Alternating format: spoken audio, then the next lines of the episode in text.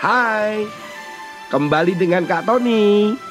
Kita akan membedah, membuka, belajar tentang kitab Amsal yang ditulis oleh Raja Salomo agar kita mendapatkan hikmat pengetahuan dalam menjalani kehidupan ini. Dibawakan oleh Kak Tony. Tuhan Yesus memberkati.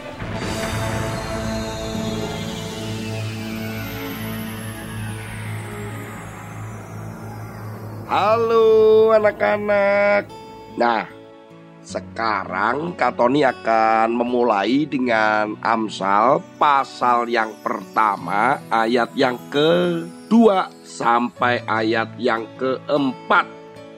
Katoni baca lebih dulu ya, kalian perhatikan baik-baik. Untuk mengetahui hikmat dan didikan, untuk mengerti kata-kata yang bermakna, untuk menerima didikan yang menjadikan pandai, serta kebenaran, keadilan, dan kejujuran, untuk memberikan kecerdasan kepada orang yang tak berpengalaman, dan pengetahuan serta kebijaksanaan kepada orang muda. Wah, ternyata hikmat Salomo yang ditulis di dalam Amsal kok malah diperuntukkan kepada orang yang tidak berpengalaman. Wah. Dengan bahasa asli nih, katanya ini adalah orang yang bodoh. Orang yang mudah dirayu atau dibujuk. Juga ditujukan kepada orang yang kurang berpengetahuan dan kepada orang yang muda. Lah, mestinya kan kepada orang-orang yang lebih pinter. Nah, ternyata tidak adik-adik. Ternyata mereka yang dianggap tidak berpengalaman, dianggap bodoh, itu lebih mudah belajar. Yang dianggap tidak berpengetahuan itu lebih banyak mendapatkan pengetahuan. Yang muda seperti kalian ini lebih mudah mendapatkan pengetahuan yang baru, hikmat yang baru. Tapi jangan merasa dirimu ini selalu tidak berpengetahuan dan bodoh. Ya. Orang boleh menganggap demikian. Yang penting kalian membuka hati untuk menerima sesuatu yang benar, tuntunan, didikan yang ditulis oleh Salomo dan firman Tuhan. Kak Tony ada kisah nih. Coba kalian mengerti atau tidak siapa orang ini. Orang ini adalah orang yang dianggap terlalu bodoh dalam belajar, sehingga gurunya minta kepada orang tuanya lebih baik tidak usah disekolahkan. Yang akhirnya ibunya membelikan dia sebuah biola, alat musik yang sangat disukainya.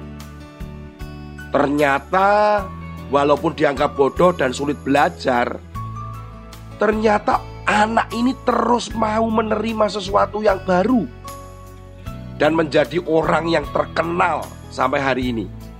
Siapa dia? Albert Einstein.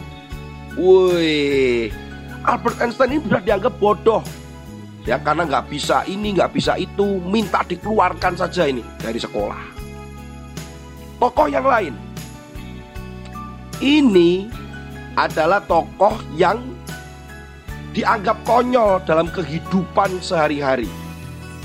Bahkan anak ini pernah mengerami sejumlah telur ayam supaya ayamnya bisa muncul dari telur. Mana mungkin itu dianggap perbuatan yang bodoh. Orang menganggap dia anak yang bodoh, anak yang aneh. Tetapi kalian tahu nggak bahwa siapa anak ini ketika besar dan menjadi orang yang sangat terkenal, menjadi penemu yang hebat, Thomas Alva Edison. Eh, anak-anak, kita lebih baik dianggap mungkin orang lain bodoh, tetapi kita membuka diri untuk belajar. Firman Tuhan katakan bahwa didikan, pengetahuan, ajaran, itu lebih mudah diterima bagi orang yang memang sepertinya nggak bisa apa-apa seperti kalian dan Kak Tony. sehingga kita bisa belajar terus. Wah, ingat belajarlah dan bacalah firman Tuhan Amsal sehari-hari sehingga kita mendapatkan hikmat dari Tuhan lewat tulisan Salomo. Sampai ketemu pada episode berikutnya. Tuhan Yesus memberkati.